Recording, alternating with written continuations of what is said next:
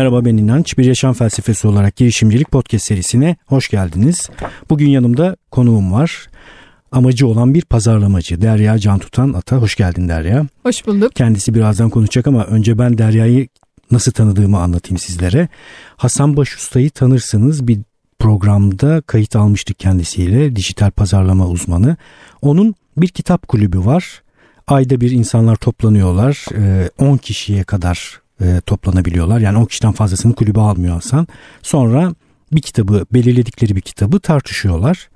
Ben de bu kitap kulübüne şimdiye kadar üye olmamıştım. Vakit olmadığı için kitap bol okuyan bir insanım ama herhalde düzenli olarak sürdüremem diye. Hasan bir de çok acımasız düzenli katılmayanları da atıyor. Şimdi din, dinler kendisi bunu. Hakan Akben'i attı mesela değil mi? Hakan Akben şu an kulüpten atılmış durumda. Arada bir uğruyor ziyaret ediyor sohbetleri.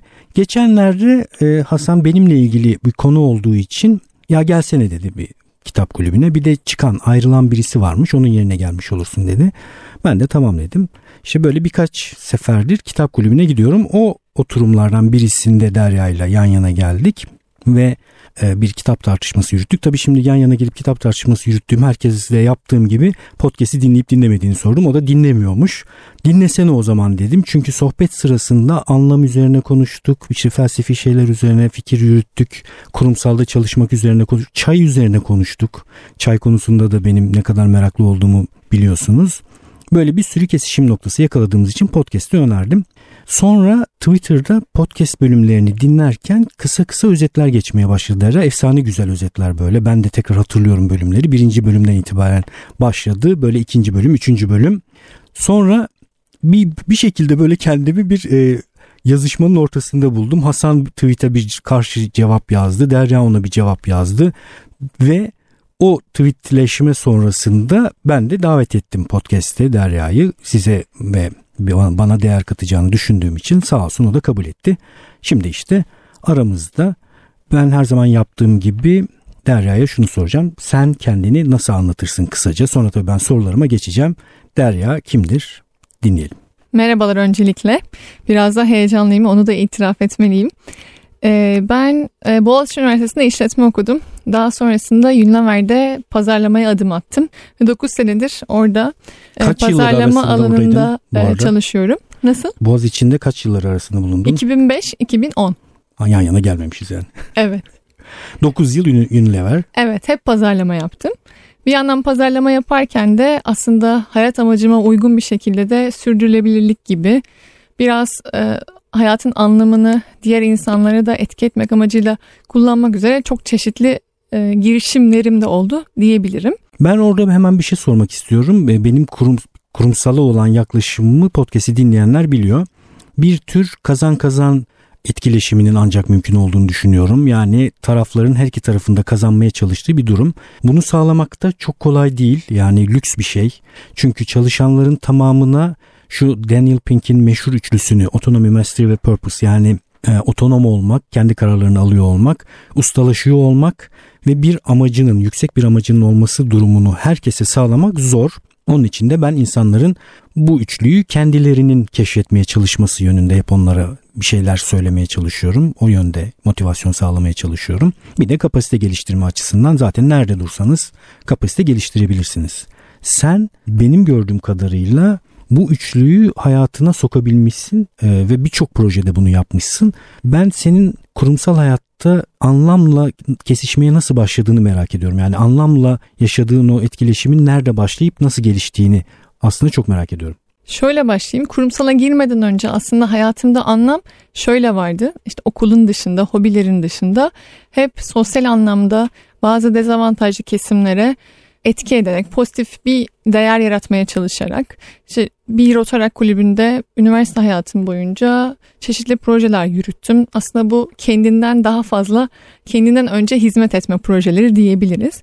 Bir yandan da aslında liderlik. Ve sonra Unilever'e başladığımda tabii ki iş hayatına ilk başlayan herkes gibi bir çalışma hayatına adapte oluyorsunuz. Belli bir temponun içine giriyorsunuz öğrencilikten sonra. Orada ilk başta aslında bunları biraz geri plana atmıştım. Bir de öğrenme dönemi değil mi? Yani o dünyayı anlamak gerekiyor. Unilever bir marketing okulu ve hani size acayip bir sorumluluk veriyor ve çok güzel. Ve her sorumluluk verdiğinde inanılmaz şeyler öğreniyorsunuz. Lipton'da ilk çalışmaya başladığımda bu yaklaşık 3. 4. seneme denk gelir. E, Lipton'da bir sürdürülebilir e, çay tarımı projesi yapmaya başladık. Ve bu projeyi yaparken ben aslında işte çiftçilerle görüştüm, bölgeye gittim, bölgenin dertlerini dinledim ve şirketin de tabii ki sürdürülebilirlik konusunda çok büyük bir gündemi ve hareket planı olduğu için ve bu konuda önce olduğu için aslında o bakımdan kendimi çok şanslı hissediyorum. Çünkü eğer bu konular şirkette gerçekten önemli olmasaydı, bütün liderler konular için aksiyon alıp bir etki etmeye çalışmasaydı belki benim de kesişmem belki yıllar alabilirdi. Ama ben bu anlamda çok şanslıyım. Sadece kendi farkımı şöyle görüyorum açıkçası. Belki de işte çay markasında çalışan birçok insan oldu. Ama gerçekten hani bu anlamda hani bu kadar etki yaratmış projeler daha önceki yıllarda yapılmamıştı. Ne yaptın? Ee, şöyle söyleyeyim. Aslında hani sürdürülebilirlik ne demek? Bir oradan başlayalım. Olur. Yani Unilever içinde, Lipton içinde aslında hem sosyal hem çevresel hem de ekonomik anlamda bir pozitif değer yaratmak demek. Yani bir ağaç diktiğinizde bu sadece çevresel ve belki sosyal etkide kalıyor ama size ekonomiye gerçekten bir artı değer kazandırabiliyorsanız mesela çöpleri geri dönüştürmek gibi o zaman aslında bu işe sürdürülebilirlik diyoruz. Yani bu... dünyaya karşı daha sorumlu, dünyayı bir bütün olarak ele aldığımızda bütün bileşenleriyle aslında kapitalizm içerisinde markalar bunu yapmak zorunda değiller. Yani şöyle diyebiliriz. Daha karlı olmayı kendine düstur edinmiş bir markanın hiç sürdürülebilirlik derdi olmayabilir. Zaten global sistem içerisinde şu andaki temel sıkıntımız da küresel olarak aktörlerin e, bütünü düşünmeden kendi çıkarları yönünde hareket ediyor olması. Ama sürdürülebilirlik gibi çerçeveler devreye girerek biraz bunu ehlileştirmeye çalışıyorlar değil mi? Yani bütünlüklü bak, e, tüm girdiler açısından bak. Mesela ben çay açısından bir de şunu biliyorum. Fabrikaya gelmeden önce çayın kalitesi zaten yüksek oranda belirlenmiş oluyor. Yani iyi yetişmiş, eğitimli ve çayı nasıl yetiştireceğini bilen bir çiftçi olacak ki çay iyiye doğru gitmiş olsun. Dolayısıyla e, toprak verimli olacak, toprak sürdürülebilirlik açısından anlamlı olacak gibi gibi bir sürü şeyi birbirine ekleyebiliriz. Aynen öyle. Aslında işimizi yaparken yani işimizle ilgili büyümekle ilgili hiçbir şeyden feragat etmezken çevresel ayak izimizi düşürmek ve geleceği de düşünerek aslında gelecekteki çocuklarımızı düşünerek de yarınlarımızı düşünerek de aslında bir iş modeli yaratmak. Buna döngüsel ekonomi de deniyor. Aslında o sistemdeki hiçbir şeye zarar vermeden aksine onları eğiterek, dönüştürerek bütün aslında çıkan output'u değeri e, herkes için faydalı hale getirebilen bir sistem. Harika. Tabii bunun için bütün hani senin söylediğin gibi hani tarladan hani o çayın bardağa gelene kadar ki olan bütün sürecini dönüştürmen gerekiyor ve bu süreçte çok büyük bir ekosistemden bahsediyoruz. Tabii. O yüzden de ben de oraya gittiğimde aslında şunu fark ettim. Bizim hani çayımız da sonuçta Doğu Karadeniz'de ciddi bir çay üretimi yapıyoruz ve bundan geçimini sağlayan işte hanelere vurursan yaklaşık 1 milyon insana kadar ulaşabilen bir aslında ekonomik değerden ve geçim kaynağından bahsediyoruz. Bu bizim için çok değerli, ülkemiz için de değerli. Ama bir yandan da tarımla ilgili aslında çok fazla işte yanlış bilinen doğrular diyelim. Hani geçmişten kalma yöntemlerle evet. tarım yapma çabaları gibi çabalar vardı. Biz orada eğitimler başlattık. Ama bir yandan bu işler de biraz bilimsel işler gibi kalıyor. Belki çiftçiye orada eğitim veriyorsunuz ama bunu gelip tüketiciye anlattığınız zaman çok da aslında frekans bulamıyor. Sebebi de biraz işin soyut olması. Hani pazarlamacı olarak burada senin tabii buna bir çare bulman gerekiyor değil mi? Evet yani birebir aslında etkisini o gün tüketici göremediği için karşısında tabii. tam olarak da hayal edemiyor ve siz sanki onun karşısında bu hikayeleri anlatırken dünyayı kurtarmış gibi ama aslında tam da ne yaptığı belli olmayan çok da anlaşılmayan aslında bir e, iş yapmış oluyorsunuz. O yüzden biz de oraya gidince şunu fark ettik. Aslında çayla ilgili bir konu var ama bunu nasıl gündeme getirebiliriz? Bunu gerçekten insanların gündemine nasıl alırız diye. Ve sonra aklımıza şu geldi. Aslında hani çayın hikayesini en iyi anlatabilecek olanlar onun sahipleri. Yani bu işin çiftçileri. Ve Karadeniz'de herkes bilir. Hani bu işin %80'i aslında yükü kadınlarda. Orada emekçi kadın çiftçilerimiz var. Bize dedi ki bunu en iyi kadın çiftçilerimiz anlatabilir. Ve Karadeniz'de biliyorsunuz müzik de çok Tabii. hani herkesin Hayatın içine içinde. işlemiş. Hani çocukluktan hani bütün o öm- ömrü boyunca aslında insanların hayatında var. Ve de coğrafyanın da başrolde olduğu türküler vardır çok güzel. Aynen Dağlar, haberleşme yaylalar. yöntemi bile aslında müzik üzerine. O yüzden biz de dedik ki bir şarkı yazalım. Çayın hikayesini anlatsın. Ama bunu çiftçilerimiz söylesin. Ve bir şarkı yazdık ve çiftçilerimizle beraber işte bir koro yarattık kadınlardan. Ve onları seçtik gerçekten eğittik belli bir süre. Ve sonrasında Çaya Ses Ver Korosu'nu kurduk. Bu Kora'daki e, kadınlarımız bir klip çektik hep beraber Karadeniz'de ve sonra o klibi yayınladık. Ve klip işte o zamanlar YouTube'da 10 milyon izlenmeler almıştı ve hakikaten çok ses getirdi. İşte bir sürü televizyon programına, bir sürü işte bu sürdürülebilirlik, sosyal etki anlamında yapılan konferanslara kendi kendilerine davet aldılar. Ve aslında o kadın çiftçiler için de bu bir dönüşüm hikayesiydi. Çünkü aslında çocukluklarından beri tek yaptıkları çayı işleyerek, çay toplayarak para kazanmaktı. İlk defa bazıları uçağa binip İstanbul'a geldiler. İlk defa böyle bir topluluğun karşısına çıkıp aslında bir performans sergilediler. Ve inanılmaz bir hikayeye dönüştü bu. Bir de çay üzerine derin düşünmeye de başlamış oldular sanat yoluyla belki meseleler üzerine, sorunlar üzerine. Tabii aslında o, orada kadınlar çok değerli hem ev için hem çocukları için bütün o hani geçimi sağlayan, onu planlayan, toprağın aslında hani ata toprağa dağ olmasın diye bir deyim vardır orada. Gerçekten ona sahip çıkan insanlar Karadeniz kadınları. O anlamda çok aslında başarılılar ama bu, bunu belki çok az insan farkında. Burada e, senin anlamla ilişkin açısından baktığımızda sürdürülebilirlik ekseninde pazarlamayla da ilişkilendirerek bir pazarlama işini aslında anlamla birleştirince ne kadar büyütebildiğini gördün ve sana da ne kadar tatmin sağladığını gördün diye tahmin ediyorum. Tam olarak öyle oldu. Aslında eski zamanlarımı hatırladım ve dedim ki ya ben bunları nasıl unutmuşum? Gerçekten ben bu kadar etki yaratabiliyorsam, böyle bir gücüm varsa ve bu güç hani aslında o ateş hani kıvılcım olduğunda nasıl bir etki yaratabiliyorsa ve bu insanlara geçebiliyorsa ve herkes bana dönüp ya ne güzel iş yaptın diyorsa koridorda beni durdurup dedim ki evet ya hani ben hakikaten bu işlere tekrar geri dönmeliyim. Bir şekilde zamanımı ayırmalıyım. Ve öyle bir şey oldu ki aslında bu iş çok çok daha büyüdü. Onu da anlatayım kısaca. Tabii ki. Yine Unilever'in ne kadar insana değer verdiğini gösteren bir aslında şirket içi uygulama. One Young World diye bir konferans var. Bu yurt dışında belli ülkelerde yapılıyor. İşte Davos'un e, genç versiyonu gibi düşünülebilir. Ama ekonomi konusunda değil, konu aslında dünyanın sosyal, çevresel problemleri. Ve bunun üzerine çok çeşitli konuşmalar, çok değerli konuşmacılar var. Kofi Anna'nın açılışıyla falan oluyor aslında bu. Türkiye'de maalesef çok az biliniyor. Bizim şirketimiz de hani belli yetenekleri oraya her sene gönderiyor ve aslında o ortama, o ortamdaki hikayeleri görüyorsunuz, dünyaya karşı görüşünüz değişiyor. Birçok anlamda kendinizi geliştirmiş oluyorsunuz. Vizyonunuzu arttırmış oluyorsunuz. Ben de oraya seçildim. Ve Dinleyici tam, olarak tabii değil mi? Yani katılmak üzere. Katılımcı olarak evet. Bu da tabii yine aday gösteriliyorsunuz gibi konular var. Neyse ben de oraya seçildim ve sonrasında siteye bakarken hani nasıl bir yere gidiyoruz ilk defa duyuyorum hayatımda. Bir baktım hani konuşmacı olarak da başvurulabiliyor. Buradan önce ilk konuşmam orada ee, ve ben de başvurdum. Tabii ki bir hikayeniz olması lazım, güçlü bir hikayeniz olması lazım. Kendime dedim ki ya bu kadar güzel bir hikaye varsa eğer bu Türkiye'de bu kadar değer bulduysa belki de bütün dünya için bir anlamı olabilir ve belki hakikaten çiftçiler için bir değer yaratabilir. Ve çok çeşitli mülakatlardan sonra seçildim.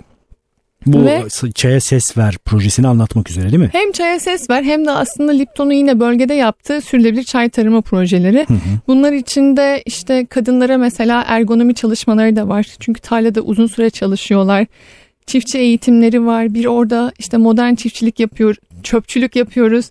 İşte geri dönüşüm tesisleri kurduk gibi aslında çok e, dallı budaklı bir hı hı. proje. Ama bunun tabii ki iletişim tarafı Çaya Sesver üzerinden oldu. Ve bu hikayeyle aslında orada ilk defa yani One Young World platformunda ilk defa bir Türk konuşmacı oldu. Ve bununla hep gurur duydum. Ve e, hikayeyi anlattıktan sonra hani sahneden indiğimde böyle gerçekten e, herkes hani bana doğru gelip böyle tebrik edip ya nasıl bir şey yapmışsınız diye tekrar tebrik etti ve orada hani Türkler değildi bunu yapan. Hani bütün dünyanın insanlarıydı ve dedim ki hakikaten öyleymiş ve bu yaptığınız iyi hikayeleri aslında anlatmanız gerekiyor. Anlattıkça onlar birilerine ilham veriyor ve bazı dönüşümler yaratıyorlar. Çok güzel. Bu Simon Sinek'in meşhur e, nedenle, niçin sorusuyla başla TED konuşması vardır, kitabı vardır. Çok da basit bir fikri anlatır. Yani en derinde bir şeyi neden yaptığının sorusunu cevaplaman, ondan sonra da eylemlerini ona göre yapman çok büyük bir derinlik kazandırıyor eylemlere. Aynen öyle. Sonra bu hikaye devam etti. Ee, şöyle aslında ben Lipton'dan başka bir markaya geçtim. Ee, ama bir yandan sürdürülebilirlik konusunu gerçekten insanlara anlatabilmek ve insanların içselleştirmesini sağlamak için yine şirket içinde normal yönetim kuruluna paralel bir aslında yönetim kurulu kurduk. Bu tamamen gönüllülerden oluşuyor Ve oradaki seçim süreci de tamamen de- demokrasi üzerine herkesin kendi seçim kampanyasını yarattığı ve en çok oy alanın seçildiği bir aslında yönetim kurulu. Orada ne yapıyordunuz? Yani e, kuruluş amacı neydi? Tamamen aslında sürdürülebilirliğin içselleştirilmesini sağlamak. Çünkü dediğim gibi bu zor bir mesele, yeni bir mesele. O zamanlar tabii çok daha fazla yeniydi. Şu an herkes daha fazla konuşmaya başladı bu meseleleri. Çünkü insanlar bir şeyi içselleştirdiği zaman aslında içine alıp hayatın içine alıp o konuda bir şey yapabilir hale geliyor. Doğru. O yüzden bir takım hani hep şey vardır ya bir ürünü ilk deneyenler hani belki o grup da o anlamda biraz daha bu konulara duyarlı, biraz daha bu konular hakkında düşünmüş, biraz derdi olan insanlardan bir gruptu belki de. Ve şirket içinde aslında tamamen farkındalık olabilir, işte bağış projeleri olabilir, sivil toplum kuruluşlarıyla bir araya gelmek gibi aslında bir pencere açmak bu konuya dair. Çünkü hepimiz aslında bu iş için çalışıyoruz Yunnamer'de ve bunu yaparken kendi hayatımızda da yani ofisten adımımızı attığımızda da biz aslında çöplerimizi ayrıştırmaya devam etmeliyiz. Aslında bu bu kadar basit bir şey. Bunlara yönelik çeşitli projeler yaptık. Çok güzel. Bu da ikinci adım olmuş. Birinde e, kurumun, şirketin asli faaliyetlerini anlam çerçevesinde yürütmüşsün. Diğerinde de üstüne vazife olmayan bir şey yapmışsın aslında. Yani ben zaten en çok oralarda hayat olduğunu düşünüyorum. Yani kurumsal asli faaliyetlerin dışında orayı büyütecek bir takım şeyler getiriyor olmak anlam penceresi içerisinden insanın tatminini arttır, arttıracaktır. İkinci adımda da böyle bir şey yapmışsın. Sonra, Aynen öyle oldu. Sonra anlam yolculuğu nasıl devam etti? Şöyle aslında şirket de tabii evriliyor. Hani ilk başta sürdürülelikle başladı ama sonra gerçekten bu purpose işte hayatın anlamını bulmak olayı devreye girdi. Ve yine çok şanslıyım böyle bir şirkete çalıştığım için. Çünkü hakikaten insan kaynaklarının aslında kendi girişimiyle bütün departmanlar için, bütün çalışanlar için hayatını bulmanın önemine dair çok çeşitli işte eğitimler, konuşmalar yapıldı ve sonrasında da birebir gerçekten herkesin katıldığı hayatın anlamını bulma e, workshopları diyeceğim ona. Aslında hepimiz bunlardan geçtik. Tabii hayatın anlamını bulmak böyle bir günde ya evet bir workshop'a girdim sonunda da buldum ben artık hayatımın anlamını buluyorum gibi bir şey değil. Evet. Ben yine şanslıyım. İkincisinde falan bulduğumu hatırlıyorum. Yani daha doğrusu bence bu da dönüşen bir şey bu arada. Hani birkaç sene önce bulduğum bir anlamdı bu. Ve bu anlamı bulurken de çok çeşitli zaten sorular var. Yani Egzersizler var. egzersizler var sizi bu konuda düşündürtüyor gerçekten. Tamamen her şeyden bağımsız. Bir Ee, örnek verebilir miyiz? Yani e, dinleyenler de düşünsünler. Sonraki bölümlerde de e, nasıl yaklaşmaları gerektiğini bu egzersize söyleriz. Şöyle mesela bir tane soru şuydu mesela o sorulardan. Bu arada e, bana söylediğinden hatırlıyorum. Merkezde felsefi olarak logoterapinin olduğu bir yaklaşımdı değil mi? Doğru evet. Ee, şöyle aslında mesela sorulardan bir tanesi şu. Çocukluğunuza döndüğünüz zaman kendinizi hayal edin. Akışta olduğunuz, gerçekten hiçbir derdiniz tasanız olmadan yaptığınız bir an, anı neydi? O anda ne yapıyordunuz? Belki yüzüyordunuz, belki resim yapıyordunuz. Belki yemek yapıyordunuz. Hakikaten o ana bir dönün. Neydi bu? Mesela sorulardan bir tanesi bu. Güzel. Bir tanesi öncesinde yapılan bir çalışma. Etrafınıza sizi iyi tanıdığını düşündüğünüz insanlara soruyorsunuz. Sizi tanımlayan üç kelime nedir? Ve ben bunu sorduğumda şunu gördüm. Gerçekten çok benzer şeyler geliyor. Peki öngördüğün şeyler miydi o gelenler? Bazıları evet bazıları hayır. E, o da çok enteresan. Ama o zaman şeyi de görüyorsunuz. Tabii ki bazı ilişkilerde bazı roller var. Bazen bazı rollerdesiniz aslında.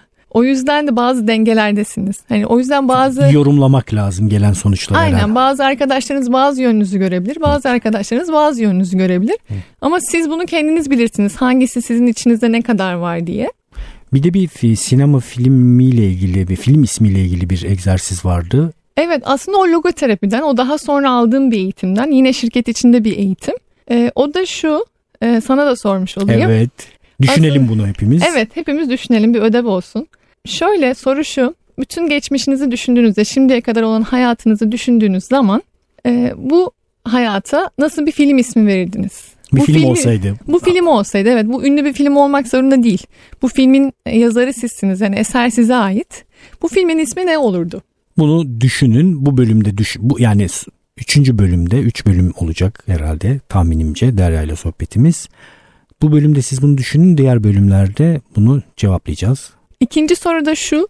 Bu biraz radikal bir soru ve böyle eğitimde duyduğunuzda bir dakikaya dedirten bir soru olmuştu benim için. Yani gelecekte ve cenazenizdesiniz ve o an sizin arkanızdan Ne söylenmesini isterdiniz? Ne duymak isterdiniz? Hafif tatsız bir soruymuş bu. Evet. Ama düşünülebilecek bir soru. Kesinlikle benim, provoke ediyor insanı benim ve düşündürtüyor. 80 yaşında fatura kuyruğuna benziyor. Tam olarak o. Evet. Bu, bu, bu biraz daha sert böyle. Yani benimkinde en azından ya fatura kuyruğundasın hala çıkıp bir çay içebilirsin falan. Bunu da düşünelim ama. iki şeyi düşünelim. Bir, şu ana kadar yaşamış olduğunuz hayatınız bir film olsaydı ona hangi ismi verirdiniz? Bunu bir kenara yazın, not edin ya da düşünün. İki, öldünüz. Sizin arkanızdan söylenmesini istediğiniz bir ya da birkaç cümle ne olurdu? Sizi nasıl anlatmasını isterdiniz insanların? Bu ikisini düşünün. Sonra bu ikisini nasıl kullanacağınızı, kendi hayatınızın anlamını keşfederken Derya bize anlatacak sonra. Tamam. Bir de bir soru daha vardı. O da beni etkileyen bir soruydu. O da şu. E, sizin hayatınızı dönüştüren hikaye ne? Aslında bu bazı insanlar için şöyle olabilir mesela bazı kayıplar olabilir ve o kayıplardan sonra bazı ciddi sorgulamalara girebilirsiniz ve sonra başka bir insan olarak hayatınıza devam etmeye karar verirsiniz. Bir dönem olabilir, okul olabilir, bir insan olabilir değil mi? Evet. Ne yapacağız bunu peki dönüştüren şeyi bulup? Ee, oradaki dönüştürücü şey ne? Yani sizi tekrardan hani hmm, Phoenix gibi şeyden var eden olay nedir? Yani sizi orada dönüştüren etki, sizin oraya kattığınız katkı ya da siz olmasaydınız olmayacak olan şey ne? Bu sizin hani Mark Twain'in bir sözü var ya hani en önemli iki gün var bu hayatta. Biri doğduğunuz gün, biri de bunun neden olduğunu anladığınız gün. Gerçekten bir o, o soru biraz kendinize dönmenizi sağlıyor. Yani siz neden inançsınız, siz neden deryasınız? Ben podcast yapmak için. Bence çok daha Or- büyük bu arada. Anlamı çok daha büyük. böyle böyle düşündükçe oraya doğru gidiyorum ben bu işi çok seven biri olarak. Güzel yani yer yer podcast'te ele aldığım temalara çok yaklaşan şeyler bu arada ve bu soruları düşünüyor olmanın da insana çok değer katacağını düşünüyorum. Derya ile sohbetimizin birinci bölümünü bitiriyoruz. Böyle dolu dolu geçen bir muhabbet oldu. İkinci ve üçüncü bölümleri de muhakkak dinlemenizi tavsiye ediyorum. İnançayar.com podcast sekmesinden bölümde adı geçen kişilere, linklere, isimlere, kitaplara ulaşabilirsiniz. İnanç Ayar Instagram hesabını takip edin. Takip ettiğinizde podcast'ten geliyorum diye selam verirseniz ben de sizi eklemek isterim. Twitter ve YouTube'u da takip edin tabii ki. Görüşmek üzere.